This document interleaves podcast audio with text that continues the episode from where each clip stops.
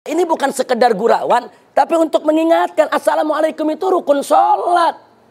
Bukan seenaknya digonta-ganti, saudara. Ah, itu Arab, nggak usah dipakai. Itu budaya Arab, terus tradisi Arab, bukan Islam. Ambil Islamnya, buang Arabnya. Ini kita baru bicara Assalamualaikum. Dan terbukti yang kedua, yang berikutnya. Apa mereka katakan? Ambil Islamnya, buang Arabnya. Karena itu wanita-wanita Indonesia nggak perlu pakai jilbab. Nah, kan nggak lucu yang diserang jenggotnya, saudara. Yang diserang jubahnya, yang diserang imamahnya, yang diserang sorbannya. Sorban, jubah, imamah, semua ada dalilnya, bukan tidak ada dalil. Soal orang mau pakai nggak pakai urusan lain, saudara. Kenapa saya dan kawan-kawan, khususnya di FPI, menentang habis-habisan, keras-kerasan persoalan ini, saudara? Karena kita tahu ini agendanya liberal. Kita ini orang lapangan.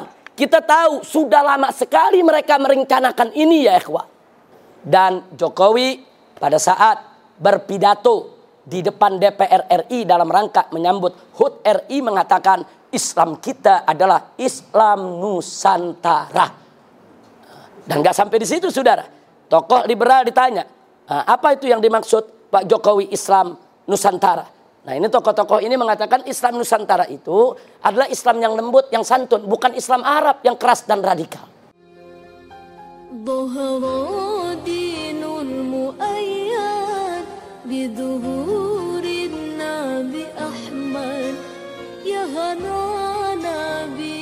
warahmatullahi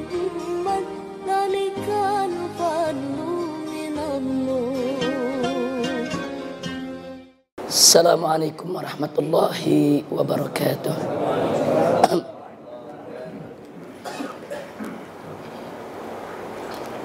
بسم الله والحمد لله والصلاة والسلام على رسول الله وعلى آله وصحبه ومواله. أشهد أن لا إله إلا الله wahdahu la syarika lah wa ashhadu anna sayyidana Muhammadan abduhu wa rasuluh la nabiyya ba'dah kepada para guru kita yang sama kita cintai kepada orang tua kita Syekhinal Walid Ammuna Abdul Gadir Askar Hafidhullah Ta'ala Wara'ah Begitu juga putra beliau akhina uh, Fahmi hafizahullah taala wa Dan alhamdulillah kita sama bersyukur satu keberuntungan buat kita semua. Pada malam hari ini guru kita jauh-jauh dari Surabaya, Jawa Timur datang. Syekhil Walid Al-Ustaz Taufik Bajber hafizahullah taala wa فمتن الله بطول حياته ونفعنا بعلومه في الدين والدنيا والآخرة آمين يا رب العالمين luar biasa tausiah yang tadi sudah kita dapatkan dari guru kita, orang tua kita. Satu tausiah yang penuh hikmah, yang menyejukkan hati kita semua. Dan yang luar biasa, sangat berharga. Mudah-mudahan bisa kita jadikan pedoman dalam kehidupan kita sehari-hari. Dan mudah-mudahan beliau yang menyampaikannya diberikan umur panjang oleh Allah. Dalam taat ibadah sehat walafiat. Amin ya rabbal alamin. Nah baiklah ya ikhwan il kiram. Usikum jami'a wa nafsi bittaqwallah. Menyambung apa yang pernah kita sampaikan pada bulan yang lalu di mana pada saat itu ada pertanyaan dari salah seorang yang hadir di majelis kita ini tentang Islam Nusantara. Dan ketika itu saya sampaikan persoalan Islam Nusantara tidak bisa dijawab dengan satu dua kalimat saja.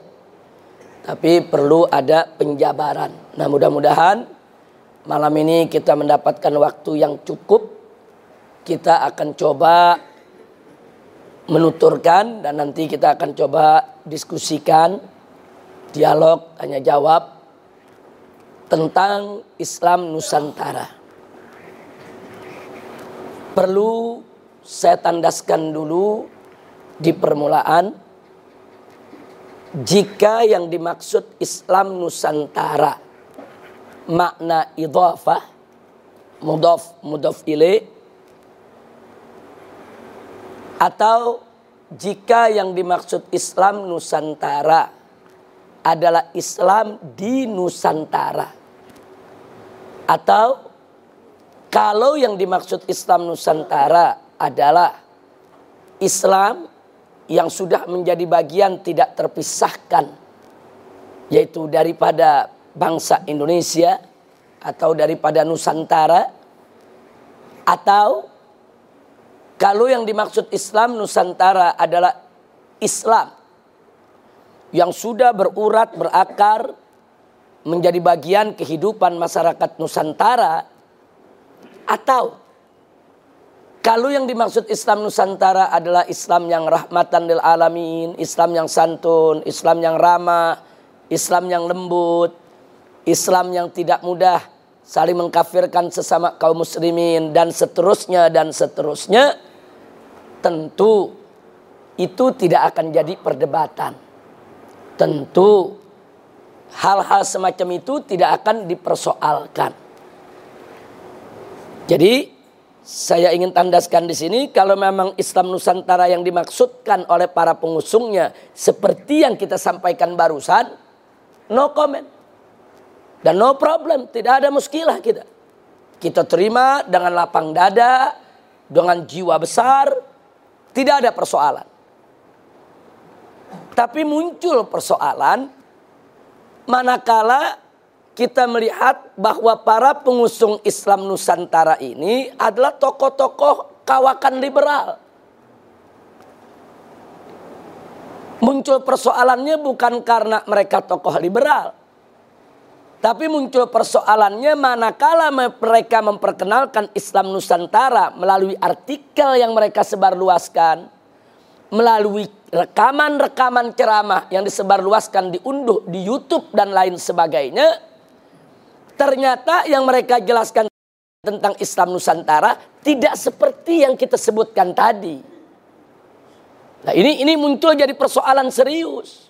Dengan bangga mereka memperkenalkan Islam Nusantara, kemudian mereka lontarkan pemikiran-pemikiran yang justru bertentangan dengan ajaran Nabi Muhammad Sallallahu Alaihi Wasallam. Antara lain, untuk menyingkat waktu langsung saja kita kepada pokok persoalan. Antara lain, satu, dalam diskusi-diskusi mereka, artikel mereka, ceramah mereka, yang bisa dengan mudah kita dapatkan di internet, di YouTube, dan lain sebagainya.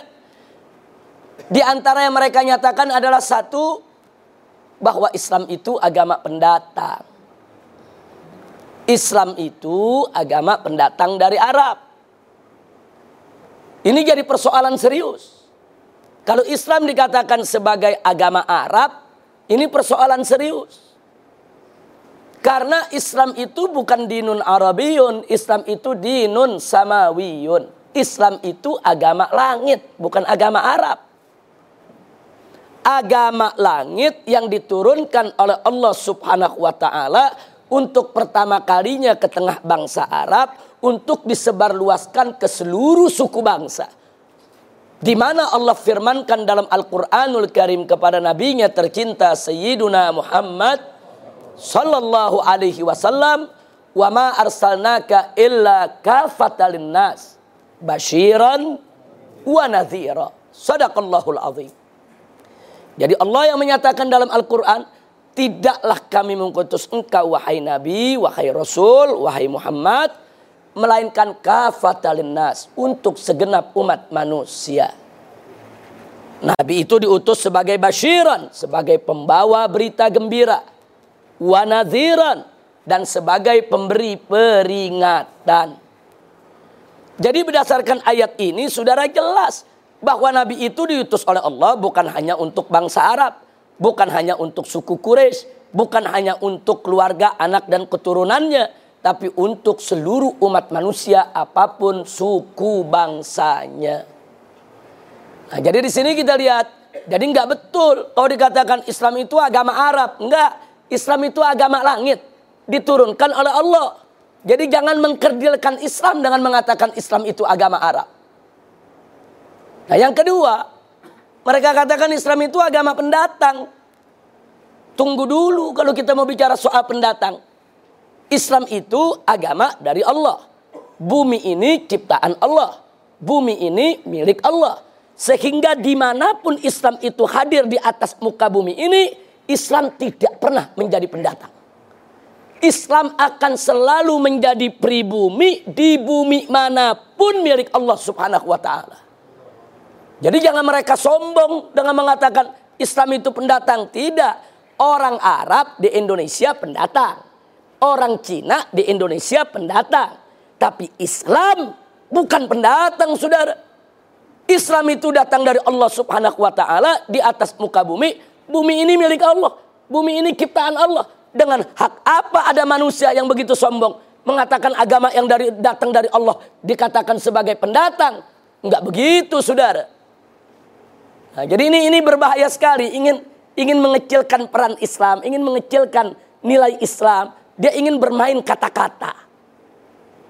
Nah, kemudian selanjutnya dia katakan karena Islam ini pendatang dari Arab, pendatang dari Arab, maka Islam itu harus dipribumisasi. Islam itu harus diindonesiakan. Islam itu harus dinusantarakan. Ini kalimat sangat berbahaya. Loh kenapa saya katakan berbahaya? Karena dulu Nabi pada saat diutus oleh Allah subhanahu wa ta'ala pertama kali ke tengah bangsa Arab. Bukan untuk mengarabkan Islam. Tapi untuk mengislamkan Arab. Jadi jangan dibulak balik. Nabi nggak pernah mengarabkan Islam ya ikhwan. Nabi itu dulu tugasnya mengislamkan bangsa Arab dan seluruh suku bangsa di dunia. Jadi dulu Nabi mengislamkan Arab bukan mengarabkan Islam. Nah, jadi kelompok mereka ini yang menyebut dirinya sebagai Islam Nusantara memutarbalikan persoalan dan ini sangat berbahaya. Baik, sekarang mari kita lihat kalau nanti Islam di Indonesia harus di Indonesia kan, maka konsekuensinya Islam di Afrika harus di Afrika kan, Islam di Eropa harus di Eropa kan, Islam di Amerika harus di Amerika kan, Islam di Cina harus di Cina kan, Islam di India harus di India kan. Naif betul. Kok bisa begitu rendah sekali Islam? Ingin diubah-ubah disesuaikan dengan suku bangsa? Tidak. Dulu Nabi alaihi salatu wassalam dan para sahabatnya radhiyallahu taala anhum dan para tabi'in, para tabi'it tabi'in serta ulama yang datang setelah mereka, Saudara, mereka berjuang menyebarluaskan Islam. Mereka Islamkan Arab, Islamkan Persia, Islamkan India, Islamkan Cina, Islamkan Amerika, Islamkan Eropa, Islamkan Afrika, dan mengislamkan Nusantara. Wali Songo dulu ketika berdakwah di Tanah Jawa, Wali Songo nggak pernah menjawabkan Islam. Wali Songo nggak pernah menusantarakan Islam. Justru Wali Songo mengislamkan tanah Jawa dan mengislamkan Nusantara. Nah ini ini sengaja saya tekankan karena mereka ingin mengkerdilkan Islam seolah-olah ini cuma urusan orang Arab. Sebetulnya yang mereka mau serang bukan Arab, mereka mau serang Islam. Arab ini cuma perantara saja ya ikhwah. Nah karena itu kita bantah habis. Gak bisa mereka gunakan istilah sedemikian rupa. Nah, kalau istilah ini dibiarkan berbahaya. Nah, pada kenyataannya memang akhirnya mereka kembangkan. Nah, baik sekarang yang berikutnya yang keempat. Apa mereka kembangkannya?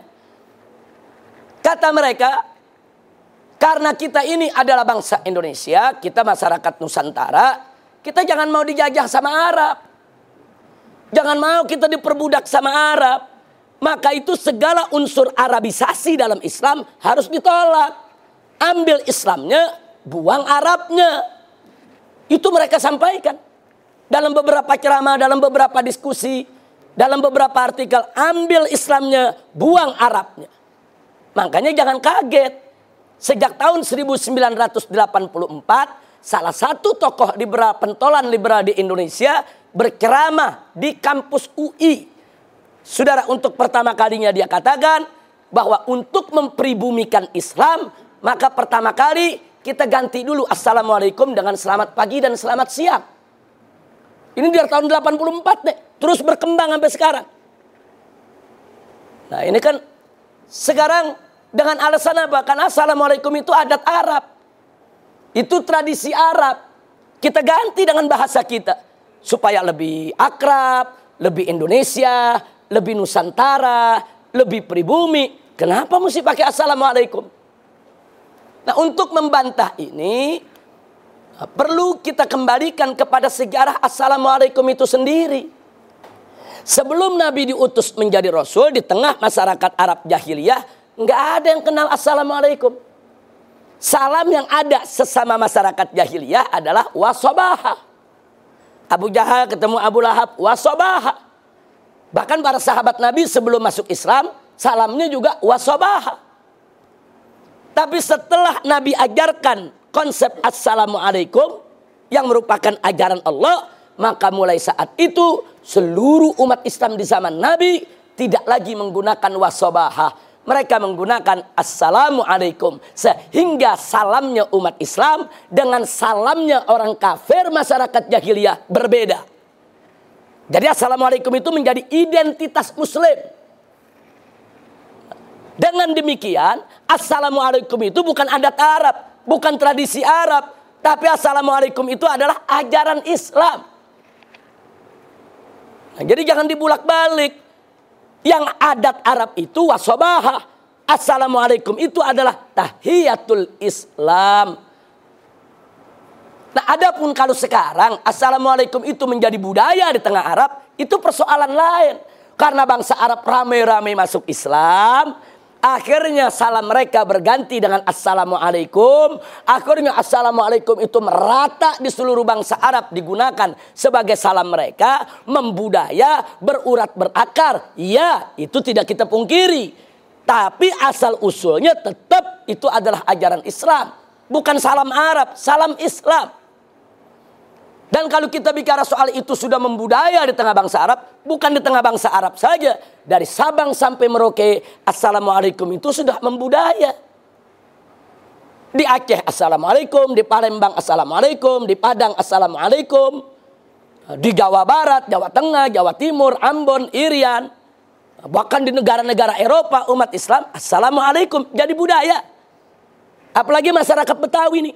Saking membudayanya jadi lamlekum. Fakta itu. Lamlekum, lekum salam. Nih orang Arab sendiri bingung apa artinya itu.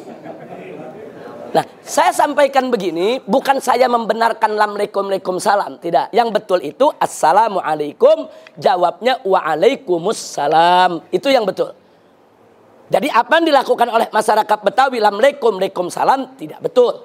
Cuman kenapa ini saya sampaikan? Saya sampaikan di sini hanya untuk menunjukkan dan membuktikan betapa assalamualaikum sudah berurat berakar di masyarakat Betawi. Berurat berakar, sudah jadi budaya. Sehingga assalamualaikum itu saat ini bukan hanya budaya Arab, dia juga budaya Afrika, budaya Eropa, budaya Amerika, budaya Indonesia, budaya Nusantara, budaya dunia. Nah, ini yang ingin kita tekankan. Lagi pula, kalau assalamualaikum itu harus diganti dengan selamat pagi, selamat siang, besok kacau di sholat kita. Sebab salam itu salah satu rukun sholat. Tanpa salam tidak sah. Nah urusannya kalau kita ganti, begitu sholat subuh, selamat pagi, selamat pagi. Nah giliran sholat zuhur gimana? Selamat siang, selamat siang. Ntar sholat asar, selamat sore, selamat sore, sholat maghrib, selamat petang, selamat petang, sholat isya, selamat malam, selamat malam, sholat tahajud, dia bingung.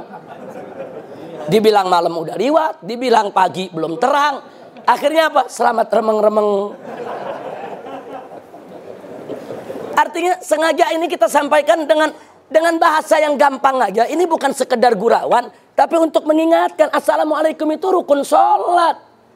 Bukan seenaknya digonta-ganti, saudara. Jadi alasan mereka ambil Islamnya, buang Arabnya, harus kita waspadai. Sebab kalau ini kita biarkan, nanti ada ajaran-ajaran Islam yang mereka tidak suka, mereka Arabkan. Ah itu Arab, nggak usah dipakai. Itu budaya Arab, itu tradisi Arab, bukan Islam. Ambil Islamnya, buang Arabnya. Ini kita baru bicara assalamualaikum dan terbukti yang kedua, yang berikutnya. Apa mereka katakan? Ambil Islamnya, buang Arabnya. Karena itu wanita-wanita Indonesia nggak perlu pakai jilbab. Kata mereka jilbab itu budaya Arab, tradisi Arab. Kenapa bangsa Indonesia kok perempuannya mau pakai jilbab? Ada urusan apa dengan jilbab? Pakai pakaian Nusantara. Ini ini ini ini jadi persoalan serius. Saudara, nah sekarang mari kita kembali kepada sejarah. Sebelum Nabi diangkat menjadi rasul, tidak ada satupun perempuan Arab yang kenal jilbab. Mereka mutabarrijat, maksyufatul aurat. Terbuka aurat mereka. Rambut mereka mereka riap, leher mereka mereka buka, bahkan mereka hiasi dengan aneka ragam kalung emas untuk mereka pertontonkan. Saudara, Pakaian mereka terbuka, pusar mereka terlihat. Tarian perut sangat terkenal di tengah masyarakat Arab ya kuat. Itu budaya Arab. Tapi begitu Nabi diangkat menjadi Rasul, saudara, kemudian Allah perintahkan kepada Nabi untuk mengatakan dan menyampaikan kepada istri-istrinya, putri-putrinya, dan seluruh perempuan orang yang beriman. Apa kata Allah? Yudnina alaihinna min jalabibihin. Nabi diperintahkan Allah sampaikan kepada istri-istrimu, putri-putrimu. Sampaikan kepada seluruh perempuan beriman. Apa yang harus disampaikan? Mereka harus menghamparkan daripada pakaian kurung mereka. Jilbab mereka untuk menutup aurat. Ini perintah Allah. Dan begitu ayat ini turun di malam hari, besok paginya satu Madinah tidak ada satu perempuan muslimah pun yang tidak pakai jilbab. Sehingga pemandangannya kontras berbeda. Yang muslimah pakai jilbab, yang bukan muslimah nggak pakai jilbab. Dari sejarah ini kita ketahui kalau begitu jilbab bukan adat Arab. Jilbab itu perintah Allah. Jilbab itu ajaran Islam. Jilbab itu kewajiban agama. Nah, jadi jangan dibulak-balik. Oh ini adat Arab, ini tradisi Arab. Itu yang saya katakan tadi. Kalau pintu ini kita buka, nanti setiap syariat Islam yang mereka tolak, mereka Arabkan. Assalamualaikum di Arab-Arabin. Jilbab di Arab-Arabin. Fakta. Nah sekarang yang belakangan nih saudara. Seorang profesor, doktor, kiai, haji, pimpinan ormas Islam besar. Kok tega mengatakan jenggot itu adat Arab, tradisi Arab yang gak perlu ditiru. Kok tega mengatakan semakin panjang jenggot seseorang menunjukkan semakin tidak cerdas. Ittaqullah. Dia mesti takut kepada Allah bicara semacam itu saudara. Jenggot itu sunnah Nabi dalam mazhab al-Imam Ash-Syafi'i radhiyallahu taala anhu wa anna jami'an memelihara jenggot itu sunnah dikerjakan mendapatkan pahala, tidak dikerjakan tidak berdosa. Betul, dalam beberapa mazhab lainnya jenggot itu diwajibkan saudara. Terlepas daripada perbedaan, apakah ini sunnah, apakah ini wajib, yang jelas ulama sepakat, ini disyariatkan dalam ajaran Islam. Ada hadisnya sahih saudara, bicara soal jenggot. Loh kok bisa-bisanya dia mengatakan jenggot ini adat Arab, nggak perlu ditiru. Udah gitu digambarkan jenggot itu lambang kebodohan. Nabi berjenggot, Sayyidina Abu Bakar berjenggot, Sayyidina Umar berjenggot, Sayyidina Utsman berjenggot, Sayyidina Ali berjenggot radhiyallahu taala anhum wa an jami'is sahabah. Para a'immah berjenggot saudara. Bahkan kita ingatkan yang bersangkutan, pendiri Nahdlatul Ulama, almarhum wal maghfurullah Hadratus Syekh Kiai Haji Hasim Asy'ari berjenggot. Apa semua mereka mau katakan bodoh? Itu enggak pantas, apalagi diucapkan oleh seorang cendikiawan. Cendikiawan akademisi. Enggak boleh saudara. Soal dia tidak suka jenggot itu urusan lain. Mungkin dia lebih suka panjangin buru ketiak. Itu urusan dia, saudara. Tapi kita bicara soal hukum, soal syariat. Nggak boleh dong dia mengatakan begitu. Dalam bercanda bergurau pun nggak boleh, saudara. Ini ini ini persoalan yang yang yang serius. Oh, maksudnya dia ingin menyindir ada salah satu kelompok yang kalau piara jenggot nih panjang-panjang dia ingin menyindir kelompok ini. Kalau kau tidak suka itu kelompok, sebut aja kelompok yang kau tidak suka. Jangan kau serang jenggotnya. Nah, kan gak lucu yang diserang jenggotnya saudara. Yang diserang jubahnya. Yang diserang imamahnya. Yang diserang sorbannya. sorban, jubah, imamah, semua ada dalilnya, bukan tidak ada dalil. Soal orang mau pakai, nggak pakai, urusan lain, saudara. Nah ini yang perlu kita sampaikan. Jadi sudah sampai sejauh itu. Baik, kita lanjutkan lagi berikutnya. Tidak sampai di situ, sampai-sampai saudara mereka mengatakan ambil Islamnya, buang Arabnya. Oleh karena itu dalam membaca Al-Quran, kenapa kita mesti pakai langgam Arab? Pakai langgam Nusantara. Dan maaf, ini bukan sekedar wacana, tapi sudah dikerjakan. Praktek di istana presiden. Ini bukan wacana. Kalau wacana untuk diperdebatkan lagi, saudara. Ini sudah sudah melangkah lebih jauh. Sudah menjadi satu visi, misi. Dan sudah dilakukan pada tanggal 15 Mei di Istana Presiden saat peringatan Isra Mi'raj saudara di hadapan presiden, di hadapan menteri agama, di hadapan para tamu dari dalam maupun luar negeri, seseorang diminta untuk membaca Al-Qur'an dengan langgam dalang pewayangan. Fakta. Bukan fitnah, Saudara. Jutaan orang menonton. Jutaan orang menonton. Saudara. Nah, sekarang Kenapa saya dan kawan-kawan khususnya di FPI menentang habis-habisan, keras-kerasan persoalan ini sudah. Karena kita tahu ini agendanya liberal. Kita ini orang lapangan. Kita tahu sudah lama sekali mereka merencanakan ini ya ikhwan. Nah sekarang mari kita lihat ya ikhwan. Dari mana kita tahu ini rencana? Malam Al-Quran mau dibaca dengan langgam dalam pewayangan. Di pagi harinya itu Twitter sudah menyebar, saudara. Di mana salah satu tokoh muda liberal, pendiri JIL, saudara, eh, lewat akun Twitternya mengatakan nanti malam Al-Quran akan dibaca dengan langgam Nusantara. Ini kabar gembira buat kita semua. Ini merupakan kemenangan kita. Disebarkan kok. Ini belum dibaca, dia udah kirim Twitter kemenangan. Artinya apa? Artinya dibaca itu memang ada agenda, ada rencana, ada tujuan. Bukan sekedar dibaca begitu aja, ada tujuan. Nah sekarang mari kita lihat, ya ikhwah. Ada sementara yang menganggap ini kan persoalan khilafiyah. Sudahlah, nggak usah dibesar-besarkan. Kita sampaikan, andai kata pun itu persoalan khilafiyah, kita mesti tahu tidak setiap masalah khilafiyah boleh dipublikasikan depan umum, saudara. Saya kasih contoh. Kalau ada seorang dai Syiah bicara di radio, di TV mengatakan, e, para pemirsa, kawin mut'ah itu tidak apa-apa. Kawin mut'ah itu halal. Terus kita protes, nanti dijawab, ini kan khilafiyah. Gak bisa, saudara.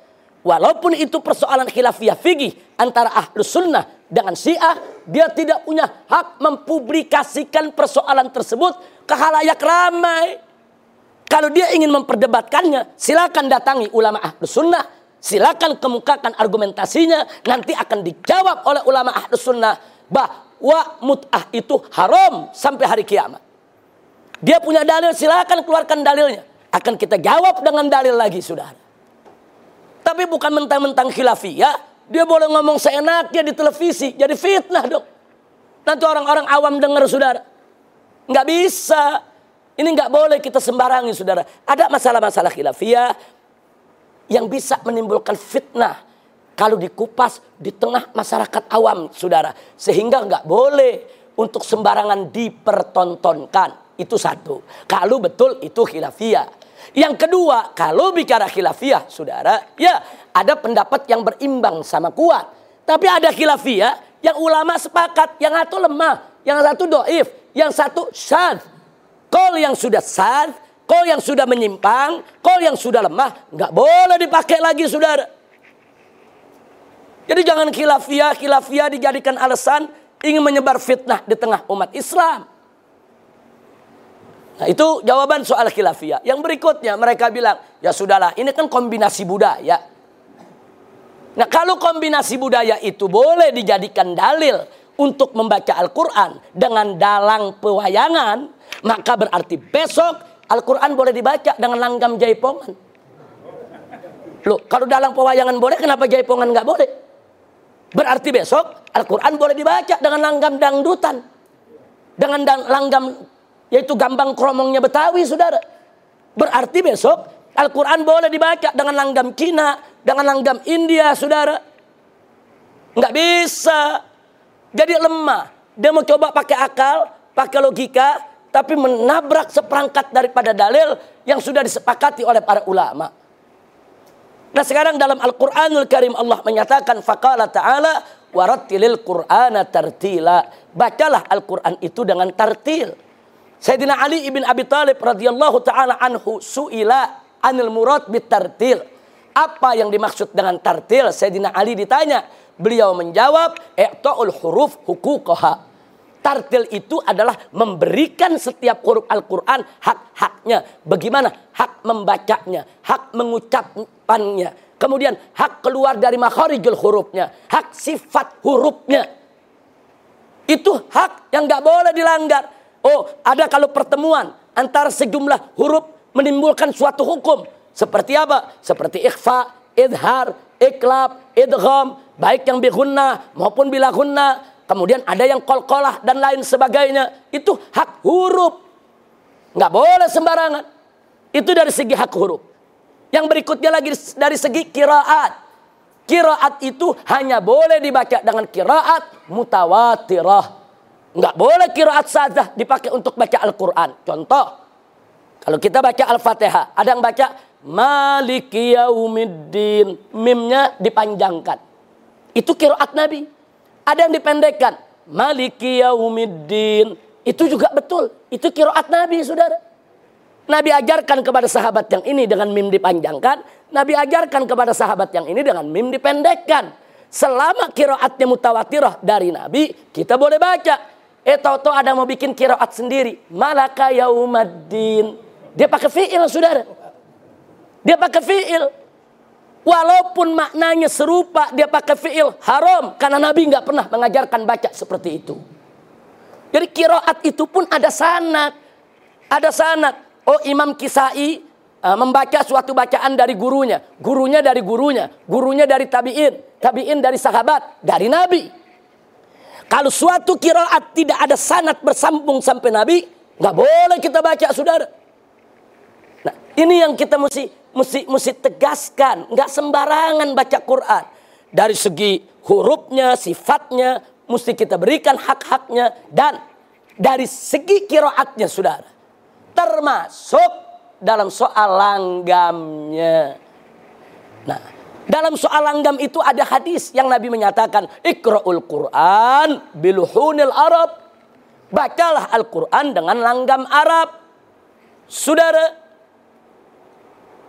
jadi artinya langgam Arab itu memang Nabi yang suruh. Bukan sembarangan, bukan kita yang orang Arab pengen Al-Quran dibaca dengan langgam Arab. Bukan. Allah dan Nabi yang suruh. Lagi pula kalau kita mau pakai logika, wajar. Al-Quran itu dibaca dengan langgam Arab. Lo kenapa wajar? Nah karena Al-Quran diturunkan dalam bahasa Arab. Kalau Al-Quran diturunkan dalam bahasa Jawa, tentu dibacanya dengan langgam Jawa. Kalau Al-Quran diturunkan dalam bahasa Indonesia, silakan baca dengan langgam Indonesia. Al-Quran diturunkan dalam bahasa Arab. Harus dibaca dengan notasi Arab. Saya kasih contoh. Jujur, kita ini orang Jakarta khususnya. Kalau ada orang dari Jawa datang ke Jakarta, belum bisa bahasa Jakarta, belum bisa dialek, tapi sok ngomong Jakarta pakai dialek Jakarta, terus terang enek gak dengernya? Ya terus terang aja kita enek. Ini orang nggak bisa ngomong Betawi, sok Betawi. Sama orang Betawi mau ngomong bahasa Jawa, di Jawa sana dipaksa-paksain. Orang Jawa enek, saudara. Lo kenapa? Karena bahasa Jawa kalau di, disampaikan dengan notasi Jawa enak. Bahasa Betawi kalau disampaikan dengan langgam Betawi enak. Atau contoh bahasa Inggris, ada yang baca begini, saya mau tanya, enak apa enggak? I'm going to Bandung. Ya terus terang aja kan nggak enak sudah. Eh orang Jawa Barat nggak mau kalah. Apa dia bilang? How are you? Lah kan nggak enak didengarnya sudah. Bukan maunya. Memang bahasa Inggris pakai notasi Inggris. Bukan pakai notasi Sunda atau notasi Jawa. Itu dalam percakapan sehari-hari seperti itu. Nah begitu juga Al-Quran diturunkan dalam bahasa Arab, maka bacalah dengan langgam Arab. Oh ada lagi yang mengatakan begini dari kementerian. Ya sudahlah, eh, ini dibaca di sana, ini kan jadi pembelajaran kita semua. Lagi pula, kan gak semua orang Indonesia bisa langgam Arab. Maklumilah kalau mereka yaitu tidak pakai langgam Arab. Saudara, ini kita jawab dengan dua jawaban. Pertama, itu kori yang baca di Al-Quran, doktor. Dari perguruan tinggi Islam. Dia bisa kiroat dengan langgam Arab. Dia sengaja pakai langgam dalang dan pewayangan. Bukan dia nggak mampu. Kalau orang nggak mampu lain cerita. Ini mampu. Tapi dia nggak mau pakai, saudara. Itu jawaban yang pertama. Jawaban yang kedua, saudara. Siapa bilang orang Indonesia ini, saudara, nggak mampu melanggamkan Arab? Jangan merendahkan bangsa Indonesia. Jangan menghina rakyat Indonesia, saudara. Puluhan kali musabakot tilawatil Quran tingkat dunia digelar di berbagai negara. Kori-kori Indonesia selalu keluar sebagai juara. Kalau orang Indonesia tidak bisa baca Quran dengan langgam yang semestinya, nggak nantinya dia jadi juara. Dia mengalahkan kori Mesir, dia kalahkan kori Libya, dia kalahkan kori Aljazair, dia kalahkan kori dari Syria, dia kalahkan kori dari Libanon, dari berbagai tempat. Kori-kori Arab kalah sama kori-kori Indonesia. Loh kenapa bisa begitu? Karena memang pembacaannya lidahnya fase. Lidahnya fase mengucapkan huruf. Kemudian tajwidnya dia kuasai. Suaranya bagus saudara. Nah karena dia husnul ada fitilawatil Quran. Saudara wah husnul sod saudara husnul tajwid, dia juara. Yang nggak bisa baca Quran dengan langgam Arab, yang nggak ngaji. Yang nggak ngaji, saudara. Ya mungkin karena presiden yang nggak ngaji, ya dia nggak bisa. Kalau yang ngaji bisa, saudara. Yang ngaji di pesantren, di madrasah, di majelis taklim, bisa. Siapa bilang nggak bisa? Jangan merendahkan bangsa Indonesia, saudara.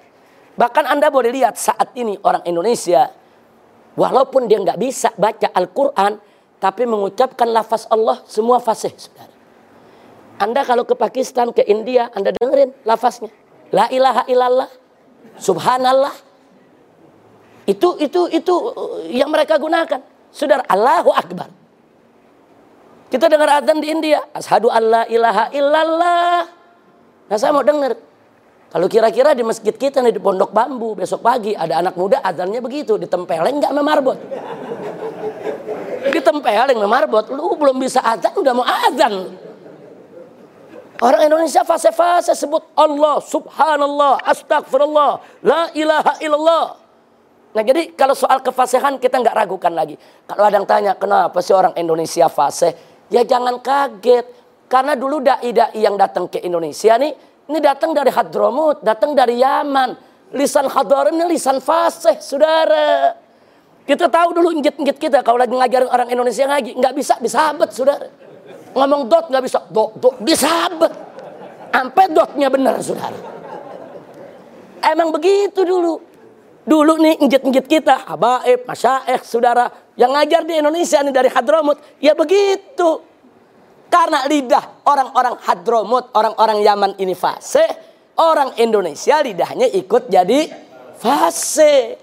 Alhamdulillah gurunya fase, muridnya pinter, jadi fase juga saudara. Nah ini ini yang mesti kita ingatkan. Nah kemudian begitu kita protes habis-habisan, saudara, ada yang mengatakan sudahlah ini kan di istana presiden, eh, kita mesti maklumilah. Nah kalau yang ini saya jawabnya gampang ada beberapa pejabat petinggi dari dewan maupun dari eksekutif yang ngontak supaya saya tidak menyoroti ini lagi. Supaya saya tidak memprotes itu presiden ataupun menteri agama di berbagai mimbar. Jawab kita ringkas, baik. Kalau presiden nggak mau diprotes, saya punya usul. Saya punya usul. Kalau nggak dikatakan syarat, saya katakan saya punya usul. Ini kita sampaikan sebelum tanggal 17 Agustus. Kita katakan nanti pada peringatan 17 Agustus itu diistanakan digelar perayaan memperingati HUT kemerdekaan RI.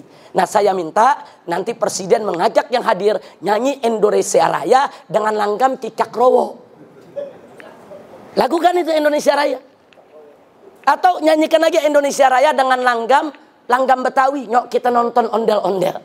Kan orang Betawi ada lagi gitu. Yo, kita nonton ondel-ondel. Nyok. Nah, nyanyi lagi Indonesia Raya. Indonesia tanah airku. Oi. Boleh gak saudara?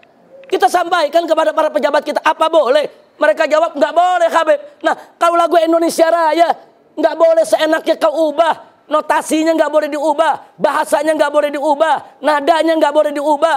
Ini Al-Quran. Kitab Allah kitab mulia, kitab suci, kitab agung, kitab sakral. Kok seenaknya kau rubah? Saudara, nggak bisa, kurang ajar. Giliran lagu Indonesia Raya nggak boleh, saudara. Ya, memang nggak boleh. Kenapa? Ada Undang-Undang Nomor 24 Tahun 2009 yang melarang lambang negara, saudara, untuk diubah-ubah. Satu, bendera merah putih. Dua, lambang Garuda Pancasila. Tiga, bahasa Indonesia. Termasuk menyanyikan lagu Indonesia Raya. Siapa yang coba-coba ubah dengan sengaja, minimal saudara lima tahun penjara. Nah, mereka tahu aturan. Itu aturan mereka yang buat. Al-Quran juga ada aturannya. Allah yang sudah buat aturannya. Waratil Quran tartila. Nabi yang sudah membuat aturannya. Ikra'ul Quran biluhunil Arab. Nah kalau kau punya peraturan gak boleh dilanggar. Kok peraturan Allah dan Rasulnya seenaknya kau mau langgar. Nah gak bisa saudara. Nah ini setelah kita sampaikan begini. Ya, mereka nggak bisa ngomong apa-apa. Oh begitu Habib, ya emang begitu. Nah habis bagaimana? Suruh presiden nyanyiin Indonesia Raya, berani gak? Nah, pakai langgam cicak rowo, pakai langgam balon kuada lima. Suruh nyanyiin. Nah jadi ini persoalan bukan persoalan kecil, persoalan serius saudara. Segala sesuatu ada aturannya. Ini ceramah aja ada aturannya nih. Boleh saya kasih contoh? Boleh kan nih? Boleh. Di sini ada Syekhun Al-Walid, Ustadz Taufik, saudara. Saya ingin mempersilahkan beliau untuk ceramah. Katakan saya diminta oleh Pak Fahmi sebagai MC. Saya katakan begini. Saudara-saudara yang dimuliakan Allah. Sesaat lagi kita akan mendengarkan tausiah yang penuh hikmah. Untayan mutiara. Hikmah yang akan disampaikan oleh guru kita yang mulia Al-Muhtaramul Mukarram Syekhul Walid Al-Ustadz Taufik Bajber kepada beliau fal yatafaddal.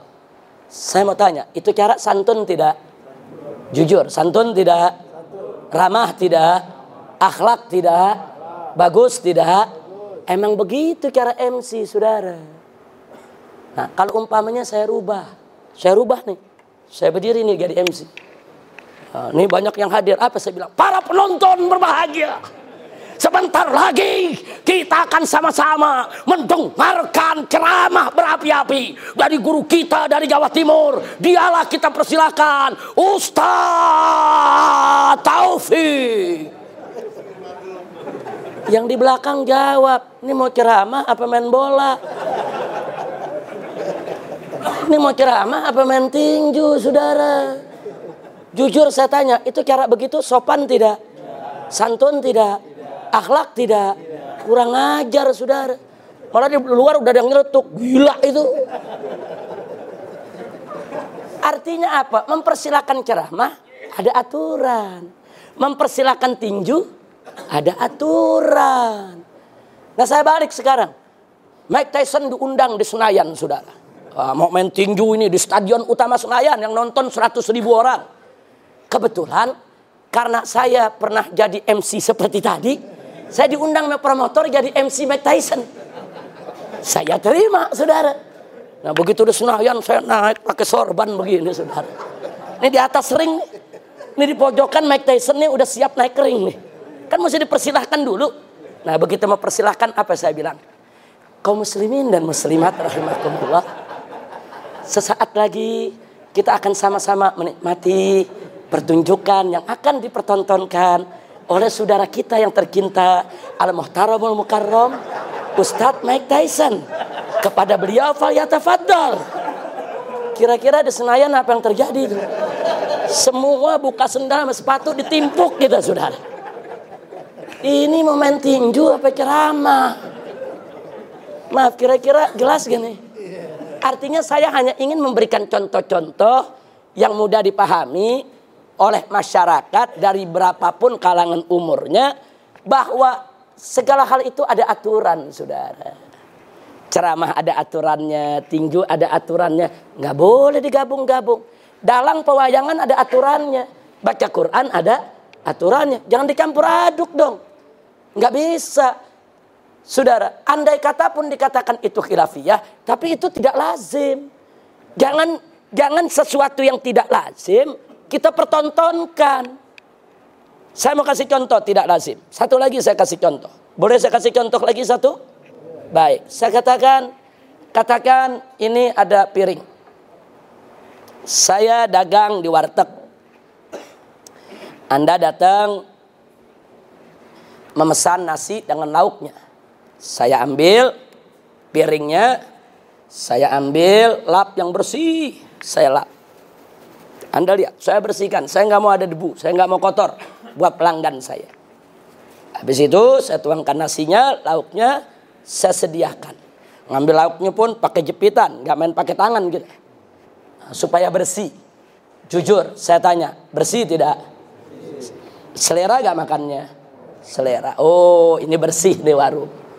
Nah, karena saya, Anda pikir saya bersih, beberapa hari kemudian Anda datang lagi.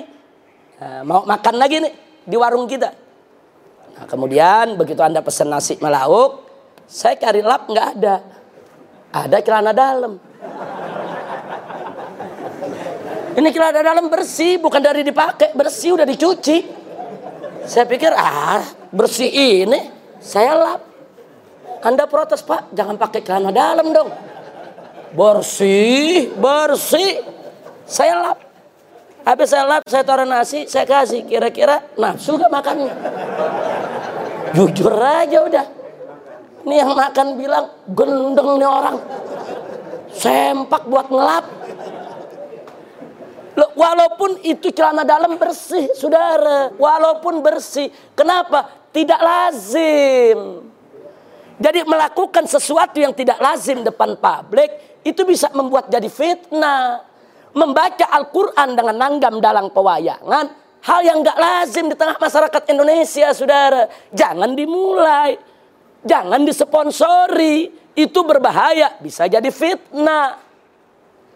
Baik, kita tambahkan lagi saudara. Ini kalau mau dalil, mau dari Quran, mau dari hadis, mau pakai logika, semua tetap nggak boleh mereka lakukan itu. Baik, sekarang kalau andai kata pembacaan Al-Quran boleh pakai langgam dalang, pewayangan, dan lain sebagainya.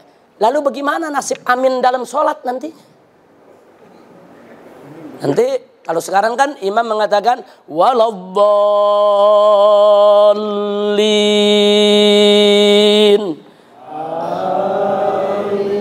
Di mana-mana amin sama. Nah sekarang kalau walat dolinnya pakai wayang, walat do. Aminnya gimana?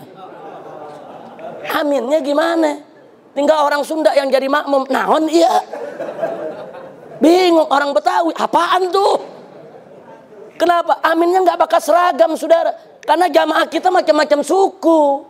Tapi kalau walat dolin dengan kiraat biasa, mau di Mekah, mau di Mesir, mau di Amerika, sama aminnya saudara. Nah karena itu saudara dalam sahihul Bukhari dengan tegas Nabi mengatakan ikra'ul Quran talafat kulubukum kata Nabi. Bacalah Al-Quran dengan yang menyatikan hati kalian kata Nabi. Jangan baca Al-Quran menimbulkan perpecahan.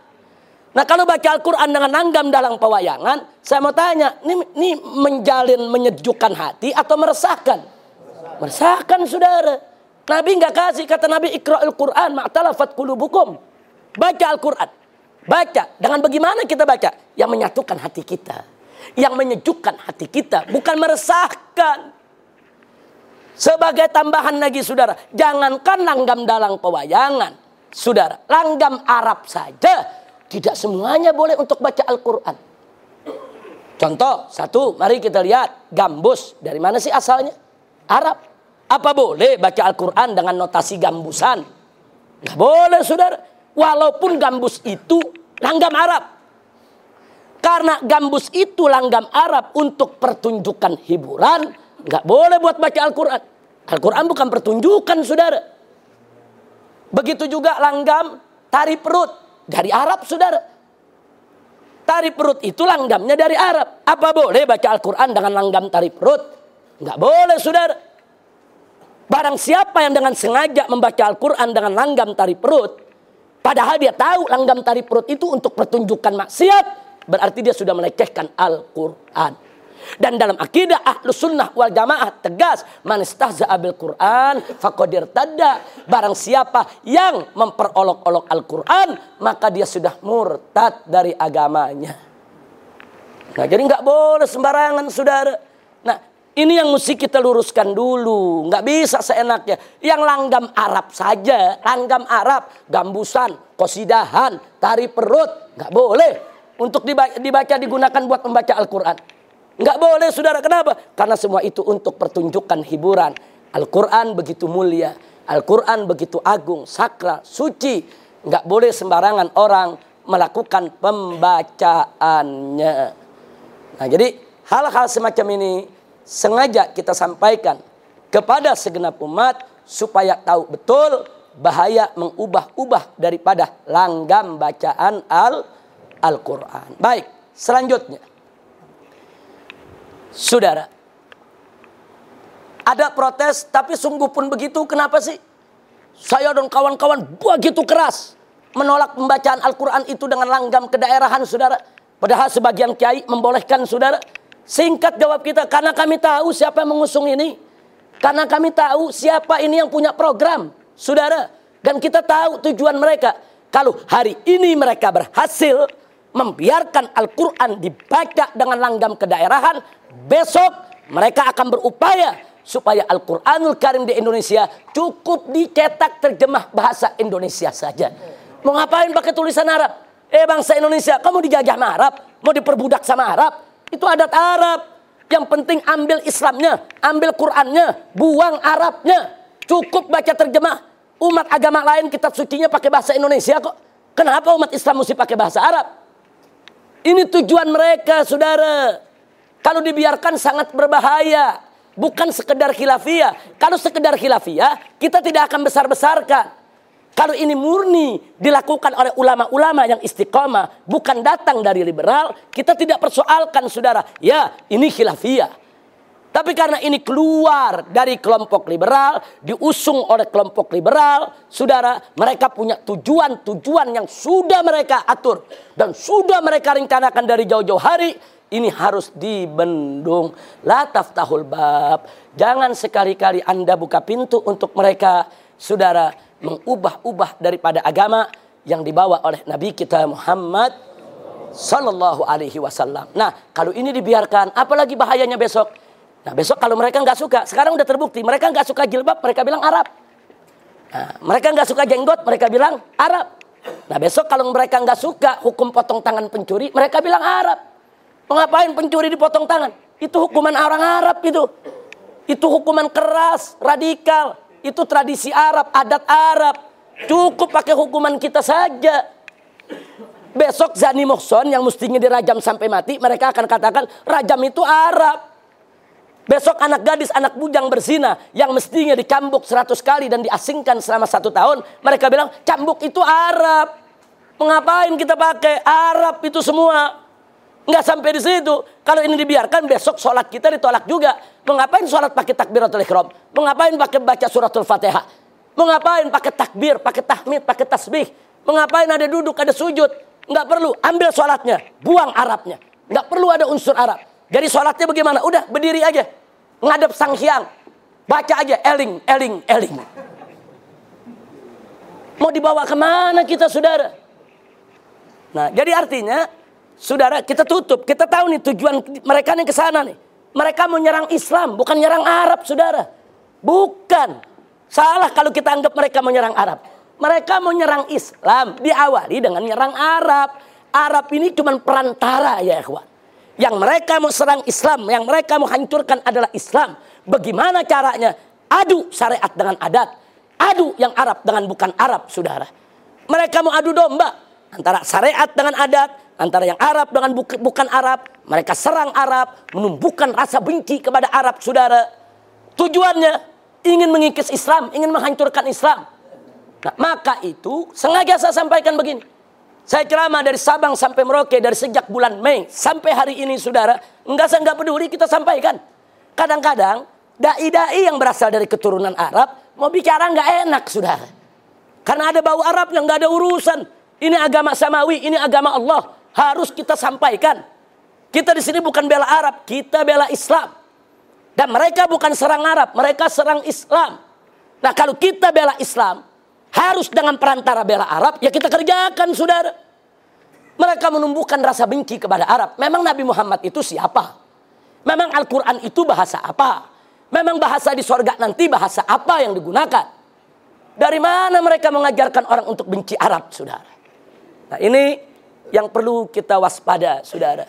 Jadi banyak sekali sebetulnya yang ingin kita sampaikan dari percontohan-percontohan tapi dari ceramah-ceramah yang mereka sampaikan tersebut terbuktilah. Kalau begitu yang mereka masuk Islam yang mak mereka maksud Islam Nusantara bukan Islam di Nusantara bukan Islam yang rahmatan lil alamin bukan. Tapi Islam yang sudah dipreteli dari unsur Arabnya walaupun unsur Arab itu merupakan bagian syariat saudara dia mau preteli satu-satu Nah inilah karenanya sekali lagi dan sekali lagi. Uh, kemarin malam tahun baru saya diundang untuk menyampaikan ceramah di Tugu Pahlawan Surabaya. Yang hadir kemarin itu ratusan ribu orang. Dahsyat luar biasa. Semua tokoh NU hadir di Jawa Timur. Masyarakatnya juga hadir saudara. Itu ada acara selawat Habib Syekh Assegaf. Dan kebetulan saya yang diminta untuk ceramahnya. Ini yang saya sampaikan. Yang saya sampaikan adalah soal Islam Nusantara Ternyata masyarakat yang hadir yang merupakan grassroots NU, mereka antusias, mereka sepakat dengan kita, mereka anti dengan dengan yaitu dengan propaganda-propaganda liberal. Saudara, ya, kita sampaikan apa yang saya sampaikan di sini, saya sampaikan di atas mimbar. Sampai TV 9 yang selama ini menjadi corong daripada aliran Nusantara, begitu saya ceramah 5 menit, dia masih muat. Begitu saya bicara Islam Nusantara, dia putus. Enggak ada nggak berani muat saudara. Nah, saya ditanya Habib ini bagaimana TV 9 kok uh, diputus begini. Saya bilang ya mana mau mereka siarkan orang mereka corongnya kok. Nah, kalau mereka corongnya kemudian mereka siarkan saya sama juga nelanjangin diri sendiri. Nah ini yang perlu kita sampaikan. Jadi kita nggak peduli. Saya keliling pondok-pondok pesantren NU. Kemarin saya ceramah di pondok pesantren Banyu Anyar. Itu pondok pesantren tertua yang ada di Madura saudara pimpinan Kiai Haji Muhammad Rafi Ibaidawi, kita sampaikan persoalan ini. Kita keliling Bangkalan, Pamekasan, Sampang, kita keliling Jawa Timur, kita ke Lombok, kita ke mana tempat, semua kita sampaikan kepada umat Islam persoalan ini. Nah, akhirnya kita tutup yaitu apa-apa yang kita sampaikan kepada mereka dengan mengingatkan innamal mu'minuna Sesungguhnya orang beriman itu bersau bersaudara apa pun suku bangsanya ya nggak peduli mau Arab, mau Cina, mau India, selama dia beriman kepada Allah, maka mereka adalah bersaudara. Inna akramakum indallahi atqakum. Dan apa pun suku bangsanya, kalau mereka bertakwa kepada Allah, beriman kepada Allah, saudara, mereka akan mulia di sisi Allah. Bahkan mereka lebih mulia dari yang punya nasab apa pun, saudara. Kalau yang punya nasab tersebut tidak bertakwa kepada Allah. Yang ajam lebih mulia daripada yang Arab. Kalau yang ajamnya bertakwa, yang Arabnya nggak bertakwa, saudara. Nah ini yang, yang yang ingin kita ingatkan kepada semua. Jadi kita nggak mau umat ini diadu domba atas nama suku bangsa, satu disuruh celak yang satu. Oleh karenanya saya tidak ragu-ragu mengatakan bahwa aliran Nusantara yang saat ini dipropagandakan oleh kaum liberal adalah aliran rasis dan fasis, saudara. Mereka benci Arab, mereka ingin menanamkan kebencian kepada Arab, mereka ingin hilangkan segala aroma Arab, segala adat tradisi Arab. Bahkan mereka ingin hancurkan Islam atas nama itu adalah adat Arab yang nggak boleh ditiru ya ikhwan. Nah ini harus kita lawan. Ini nggak boleh kita biarkan. Mudah-mudahan Allah berikan kita kemenangan. Nah, jadi sejauh ini kita lihat uh, di kalangan kiai-kiai NU sekalipun di daerah-daerah banyak yang menolak ya ikhwan. Kiai-kiai NU yang garis lurus semua menolak propaganda tersebut. Dan sebagai tambahan, Islam Nusantara saat ini yang diusung oleh kaum liberal itu mendapat dana dari APBN resmi. Ada surat tertulis saudara dari Menteri Agama RI. Jadi artinya ini sudah jadi program pemerintah. Dan Jokowi pada saat berpidato di depan DPR RI dalam rangka menyambut HUT RI mengatakan Islam kita adalah Islam Nusantara. Dan nggak sampai di situ saudara. Tokoh liberal ditanya, apa itu yang dimaksud Pak Jokowi Islam Nusantara? Nah ini tokoh-tokoh ini mengatakan Islam Nusantara itu adalah Islam yang lembut, yang santun. Bukan Islam Arab yang keras dan radikal. Pakai ada tambahan, bukan Islam Arab yang keras dan radikal. Kita paham, mungkin yang dia maksud, ini Arab-Arab yang lagi pada perang, saudara. Yang keras. Tapi itu tidak mewakili Islam, saudara. Jangan terus mengatakan Islamnya yang radikal. Kalau Islam Arab mereka katakan Islam keras, Islam radikal, Islam ekstrim. Lalu Islamnya Nabi Islam apa? Islam Nusantara. Islamnya Sayyidina Abu Bakar Islam apa? Islam Nusantara. Islamnya Sayyidina Umar Islam apa? Islam Nusantara. Islamnya Sayyidina Utsman Islam apa? Islam Nusantara. Islamnya Sayyidina Ali Islam apa? Islam Nusantara. Enggak boleh seenaknya mereka mereka bicara begitu saudara. Nah karena ini sudah menjadi program pemerintah, jangan kaget. Saat ini Islam Nusantara sudah menjadi mata kuliah di perguruan-perguruan tinggi Islam ya ikhwan. Termasuk Universitas Islam Negeri Sarif Hidayatullah Jakarta. Kemarin tiga putri saya masuk diterima ujian di UIN dan ikut sekolah di UIN. Begitu lagi posma yaitu pekan orientasi uh, apa istilahnya itu.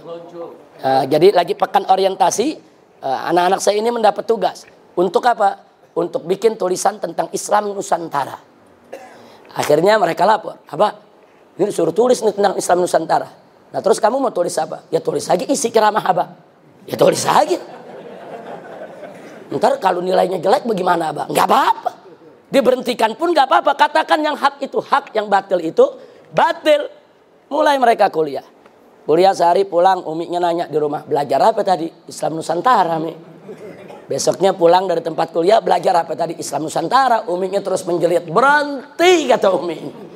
Anak kita cabut, yang dua kita cabut. Kalau yang tiga tinggal semester akhir karena pindahan dari Universitas Ahgaf. Jadi sengaja saya tidak pindahkan, tapi yang dua yang baru kita tarik. Nah, sekarang kita kirim ke Gresik, ke Jawa Timur. Jadi artinya memang Islam Nusantara sudah menjadi mata kuliah resmi di perguruan-perguruan tinggi Islam negeri maupun swasta kecuali swasta-swasta yang masih tetap istiqomah di jalan ahlus sunnah wal jamaah tidak akan mengajarkan materi tersebut. Kalaupun diajarkan hanya Islam Nusantara dalam makna Islam di Nusantara. Islam sebagai sesuatu yang agama yang sudah menjadi bagian tidak terpisahkan dari masyarakat Nusantara. Tidak seperti yang kita terangkan barusan ya kawan. Nah terus kalau pertanyaannya, tapi kenapa ada kiai-kiai sepuh katanya setuju dengan Islam Nusantara. Saudara, kiai sepuh ini orang baik. Mereka orang soleh. Saya contohkan seperti Kiai Haji Maimun Zubair dari Jawa Tengah. Orang baik, saudara. Nah dia bertanya kepada salah satu tokoh, apa sih itu Islam Nusantara? Dalam munas ini.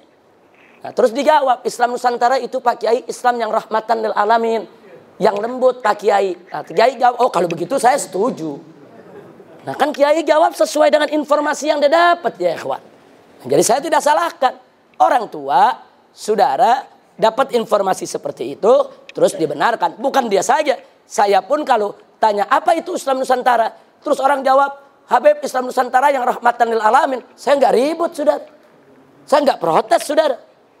Nah, tapi kalau Islam Nusantara para pengusungnya bicara seperti tadi, mengarab-arabkan syariat Islam, nggak boleh kita biarkan saudara. Wajib untuk kita tolak. Nah ini yang saya mau sampaikan. Mudah-mudahan bermanfaat untuk kita semua. Jadi jangan kaget kalau saya dan kawan-kawan di FPI di atas-atas mimbar mungkin Anda ada yang menemukan rekamannya di YouTube dan lain sebagainya. Dalam soal ini memang kami bersikap keras untuk menjaga Nah, supaya mereka tidak mempermainkan syariat Nabi Muhammad Sallallahu Alaihi Wasallam. Saya pikir cukup itu yang bisa saya sampaikan. Saya minta maaf waktunya cukup panjang sekali kita ambil, tapi mudah-mudahan bagi yang bertanya pada bulan yang lalu sudah terpenuhi, yaitu rasa ingin tahunya tentang Islam Nusantara dan tentang sikap kami terhadap Islam Nusantara. Cuman sebelum saya akhiri, saya belakangan ini tidak lagi menyebut mereka Islam Nusantara. Tapi saya sebut mereka aliran Nusantara. Islam terlalu mulia kalau harus digandeng-gandengkan dengan terminologi yang punya tujuan untuk merusak Islam. Nah, jadi saya nggak nggak mau lagi sebut mereka Islam Nusantara. Tadi dari tadi saya sebut karena pertanyaan Islam Nusantara saya jelaskan dulu. Nah, tapi di terakhir saya ingatkan kami menyebut mereka sekarang bukan Islam Nusantara, tapi aliran Nusantara. Nah, baik, itu saja yang bisa saya sampaikan.